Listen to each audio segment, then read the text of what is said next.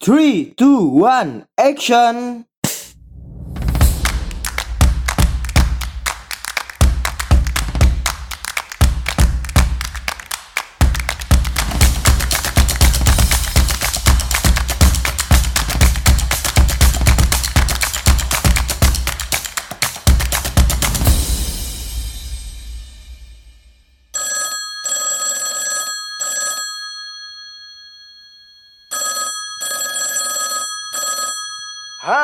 Selamat datang kembali di Pod by MA, tentunya di program Anak Komunikasi. Yeay, selamat datang kembali. ya, jadi ini adalah program Anak Komunikasi, tetapi mata kuliahnya berbeda ya. Dengan mata kuliah-mata kuliah yang lain yang sudah pernah disiarkan sebelumnya. Nah, pada pertemuan kali ini kita akan masuk di mata kuliah metode penelitian khususnya adalah metode penelitian sosial atau biasa sih kita sering singkatnya MPS seperti itu ya. Dan hari ini adalah hari pertama atau pertemuan pertama di metodologi penelitian sosial. Ada banyak sekali yang akan kita bahas di pertemuan-pertemuan selanjutnya nanti. Yang intinya dalam metode penelitian sosial itu ada banyak sekali kegunaannya. Bisa untuk riset di luar, bisa untuk riset internal kampus atau bisa jadi untuk skripsi, tesis atau disertasi. Tetapi pada pertemuan kali ini ya, jadi pertemuannya bukan hanya episode sekarang, tapi semua episode ya, khususnya itu adalah untuk membahas persiapan skripsi. Nah, karena pada pertemuan kali ini atau mata kuliah kali ini saya fokusnya untuk didengarkan oleh mahasiswa dan mahasiswi S1. Dan kita akan menyinggung juga sih terkait metode penelitian sosial secara umum, tetapi nanti fokusnya lebih banyak juga di metode penelitian sosial, tapi ke komunikasi lah pembahasannya seperti itu. Tentu ada perbedaan. Kalau metode penelitian sosial itu nanti lebih ke umum, jadi struktur-strukturnya tetapi nanti kalau sudah masuk ke apa ya mulai bicara tema mulai bicara metodologi penelitian dan mungkin ada yang lain-lain juga itu akan spesifik ke mata kuliah ilmu komunikasi.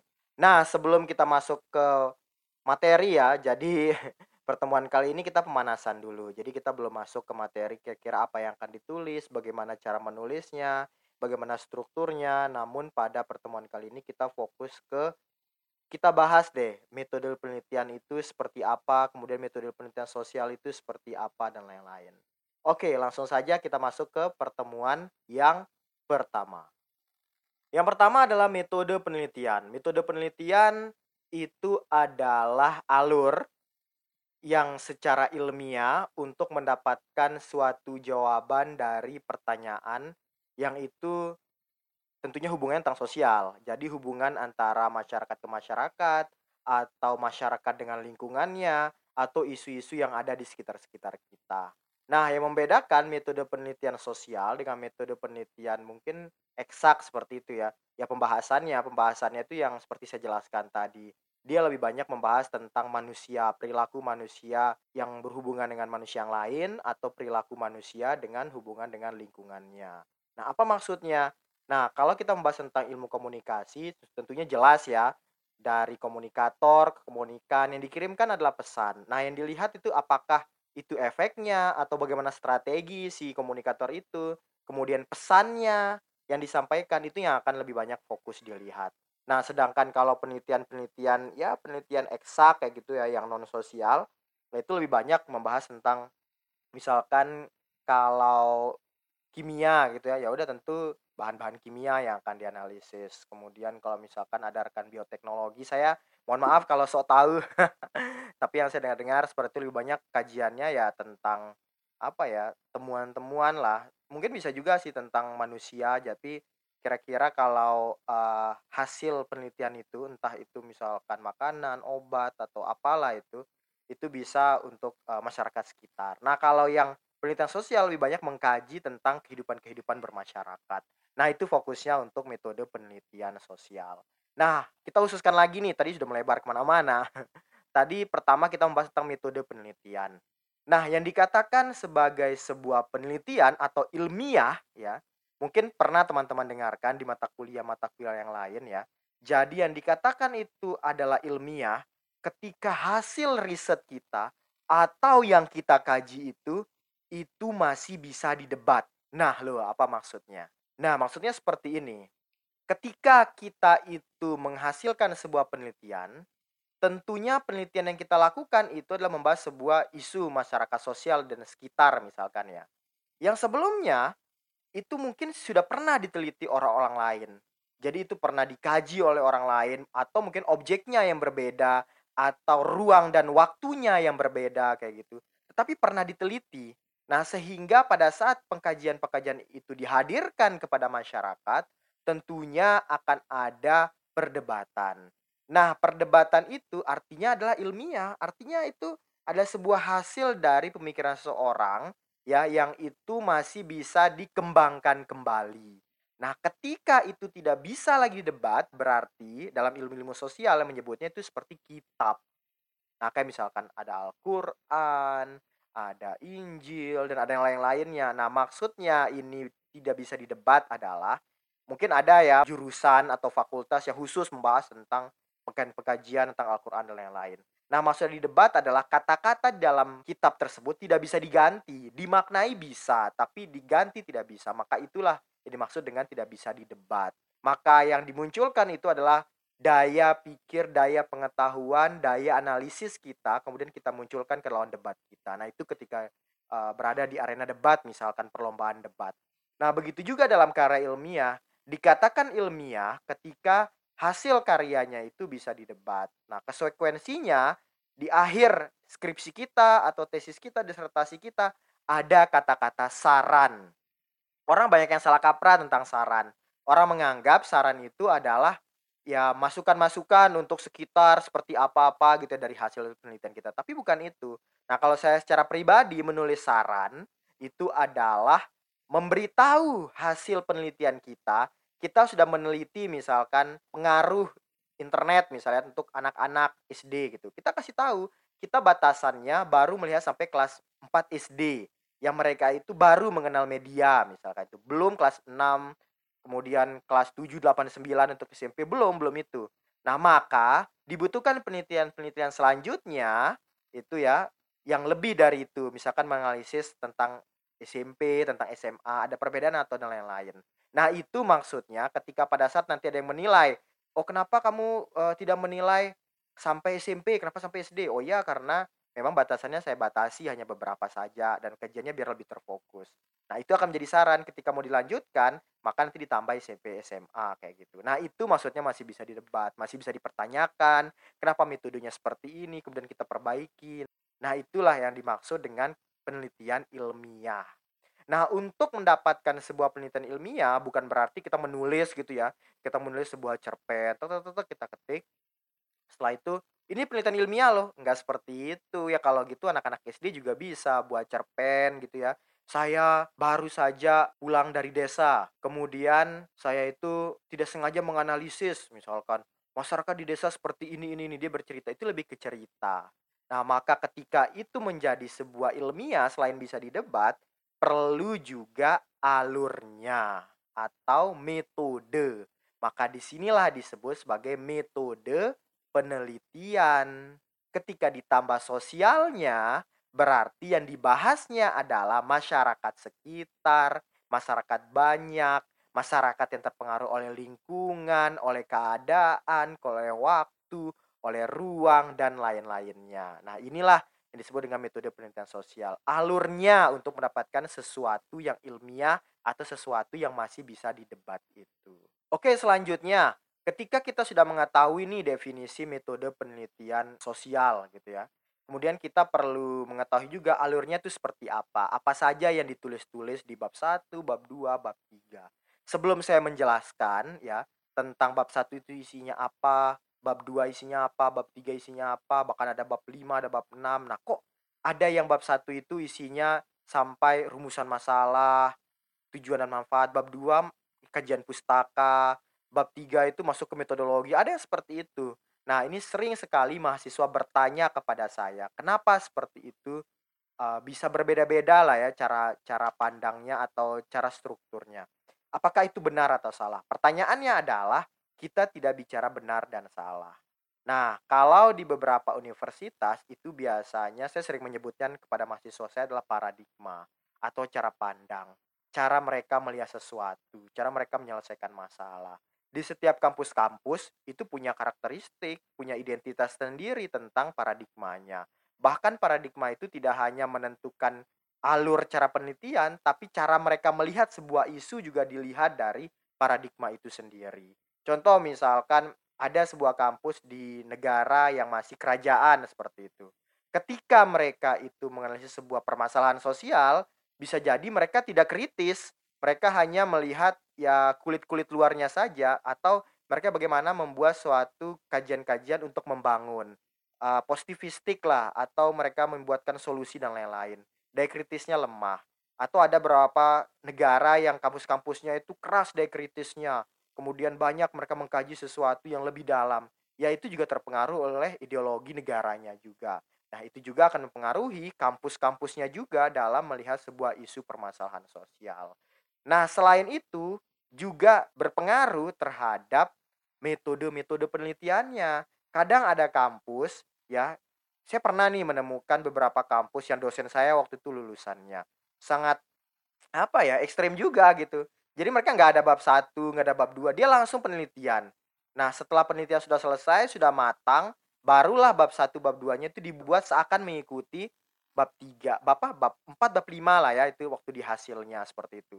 Memang pandangan yang itu saya bilang nggak salah, itu benar juga karena kalau kita bicara prakteknya itu, orang kan biasanya langsung melakukan penelitian. Setelah itu hasilnya sudah dapat, baru direvisi lagi, maka baru dibuat di akhir bab satu bab 2-nya. Tapi ada juga yang membuat bab satu dulu di awal. Nah, bab satu itu isinya misalkan ya semacam kayak proposal penelitian lah apa yang akan kita buat nanti di bab 2, bab 3, dan bab 4. Maka ketika bab satu itu dimunculkan, tujuannya adalah dasar untuk nanti kita menyelesaikan bab 3, bab 4, bab 5. Tapi kadangkala juga ini ada berbagai kritikan ya di semuanya ya. Kadangkala juga yang saya temukan gitu, bahkan saya juga sering ngalami. Bab 1 nulis apa gitu. Ternyata di bab 3 dan bab 4 gitu ya. Hasilnya itu enggak enggak seperti yang kita tulis di bab 1. Jadi kita menulisnya itu jauh berbeda, bahkan sangat kontra sehingga kadang dosen saya itu sering mengatakan uh, bab 1 dimaksimalkan, setelah itu teman-teman ngerjain bab 3 bab 4 Nah, kalau misalkan hasilnya itu berbeda dengan bab satunya, maka itu masih bisa diperbaiki bab satunya di akhirnya. Nah, itu bisa juga dikatakan benar. Dalam artian, satu misalkan ada orang yang apa ya dengan background keilmuannya itu melakukan penelitian terdahulu karena ingin melihat prakteknya seperti ini orang penelitian nanti biar nggak ngulang-ngulang bab satunya terakhir aja nanti dari latar belakang metode dan lain-lain nanti di akhir aja nah ada juga orang yang yang paling penting itu landasannya, menulis apa ke depannya sebagai acuan nanti kita mau melakukan sebuah penelitian. Nah, di sinilah maksud saya ingin menyampaikan di awal sebelum saya jelaskan bahwa bagaimanapun caranya, bagaimanapun alurnya seperti itu tidak ada dibilang salah seperti itu. Semuanya benar. Yang salah itu saya katakan ke mahasiswa saya adalah ketika hasil penelitiannya tidak selesai atau mereka tidak menyelesaikan skripsinya itu yang salah. Nah, yang benar itu melakukan metode atau dengan cara-cara seperti apa pun, tetapi biasanya mahasiswa-mahasiswa saya sarankan untuk tetap mengikuti alur-alur yang diberikan oleh dosennya. Karena kenapa? Karena dosen ya pasti sudah melalui ya namanya buat skripsi, bahkan ada yang sudah selesai menyelesaikan tesis, bahkan alhamdulillah ketika dia sudah bisa menyelesaikan disertasi. Jadi pernah melewati tahap-tahap untuk membuat sebuah penelitian, maka sudah ada pengalaman dan ini adalah menjadi sharing. Maka saya sangat berpendapat ketika dosen itu memposisikan diri sebagai fasilitator. Dosen-dosen saya waktu S1 S2 saya bersyukur ya beliau itu memposisikan diri sebagai fasilitator. Dalam artian penelitinya itu si pembuat penelitiannya itu adalah ya kita mahasiswa. Mereka hanya mengarahkan saja ketika ada yang yang melenceng-melenceng lah seperti itu. Jadi sebagai rel aja jadi mereka seperti seperti apa ya alur kita ngikutnya itu mengikuti mereka. Nah ketika kita sudah pemahami pertama ya tentang metode penelitian itu apa, alur ya, kemudian dikatakan ilmiah seperti apa masih bisa didebat karena itu daya daya pikiran manusia jadi masih bisa dikembangkan, ada kekurangan masih bisa ditambah dan lain-lain. Ketiga adalah ketika ditambah sosialnya, metode penelitian sosial, maka yang dikaji adalah masyarakat, orang-orang sekitar, bagaimana masyarakat terpengaruh oleh lingkungan, bagaimana masyarakat itu dipengaruhi oleh ya orang-orang sekitarnya seperti itu. Nah, kemudian kita juga paham tentang metode penelitian itu alurnya gimana. Ada yang kadang langsung mengerjakan pembahasan, ada yang langsung mengerjakan apa ya uh, bab satu dulu, uh, tapi nggak ada yang langsung ada hasil kayak gitu ya. Jadi ada bermacam-macam caranya. Nah, ketika kita sudah memahami itu semua, baru kita membicarakan alur-alur pada penelitian. Nah, kalau saya secara pribadi dalam penelitian ini mungkin yang agak panjang ya di pertemuan 1 sampai saya sih sebenarnya belum belum menyusun sekarang. Mungkin ada pertemuan 5, 6, 7. Bagus kalau sampai pertemuan 12. Jadi sehingga nanti ini bisa menjadi mata kuliah full untuk saya.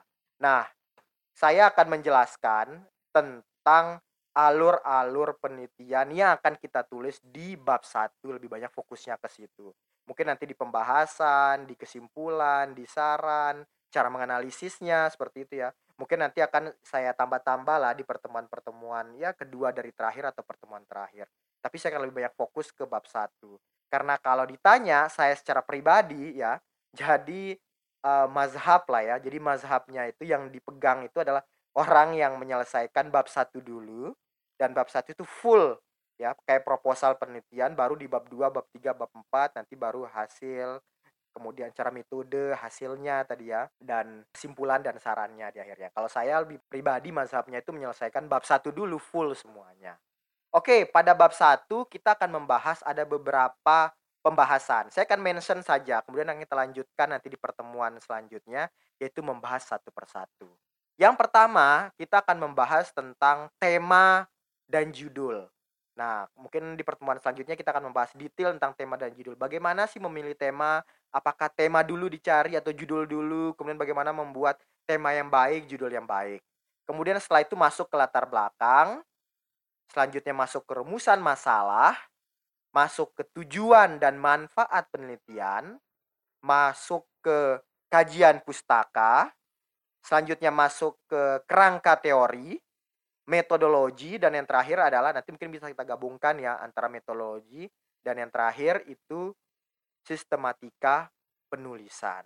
Nah, dalam pertemuan kali ini kita hanya membahas kulit-kulitnya dulu deh. Sebelum kita membahas yang akan lebih detail. Dalam artian tadi kita sudah memahami ya apa yang disebut metode penelitian, apa yang disebut metode penelitian ilmiah, apa yang disebut metode penelitian sosial, kemudian mazhab-mazhab atau paradigma beberapa orang melihat penelitian itu langkah mana yang duluan dilakukan, kemudian alurnya. Apa tadi alurnya? Pertama, judul dan tema, latar belakang, rumusan masalah, tujuan dan manfaat, kajian pustaka, kerangka teori, metodologi penelitian, dan terakhir adalah sistematika penulisan. Oke, para pendengar Pod by MA, tentunya ada banyak sekali informasi yang akan kami sampaikan dan tetap dengerin Pod by MA di program Anak Komunikasi. Dan kita sampai ketemu lagi di pertemuan selanjutnya. Yo!